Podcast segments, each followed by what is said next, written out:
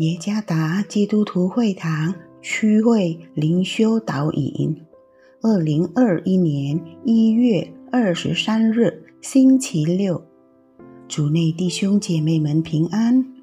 今天的灵修导引，我们要借着圣经路加福音十二章十七到十九节来思想今天的主题：真正的满足。作者。陈顺安传道，《路加福音》十二章十七到十九节，自己心里思想说：“我的出产没有地方收藏，怎么办呢？”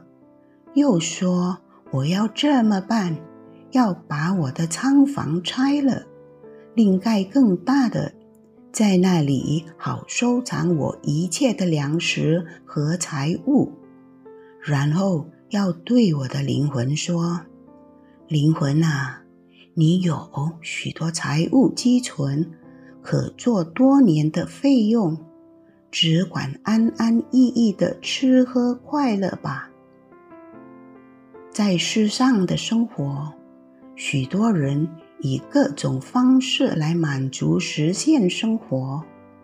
有些人做合理的事情。但也有一些人会不择手段，为了使自己的生活得到满足。许多人还说，拥有很多的财物将带来满足感与安宁的生活。路加福音十二章十七节中，我们可以看到。现实并非像多数人所说的，当一个人贪爱并依靠财物时，无法从其中得着满足感与安宁的生活，而是忧虑的增加。忧虑的增加，乃因设想如何保护和收藏已获得的各项财物。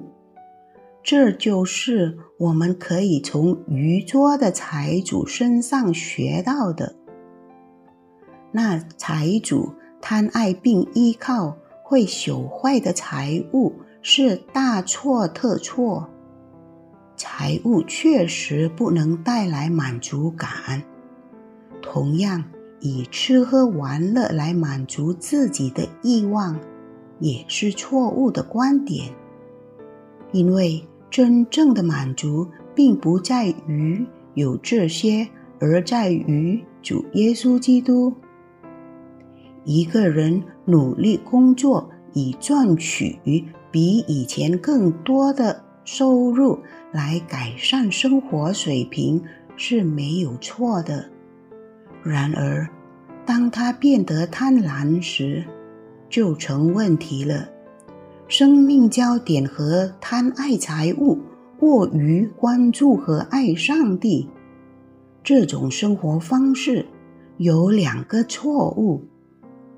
第一个错误是因为意识到或不知觉地，财物已经转移了上帝在他生命中的地位，财物成了他的偶像，因为。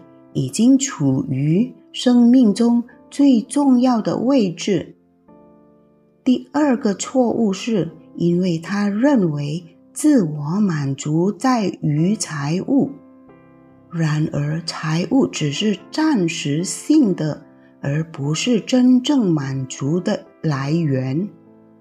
正如传道书里说的，一个贪爱钱财的人生命里。永不感到知足。参看《传道书》第五章第十节。真正的满足只在主耶稣基督里。真正的满足不在于无生命之物，而在于生命的源头，就是基督耶稣。主耶稣赐福。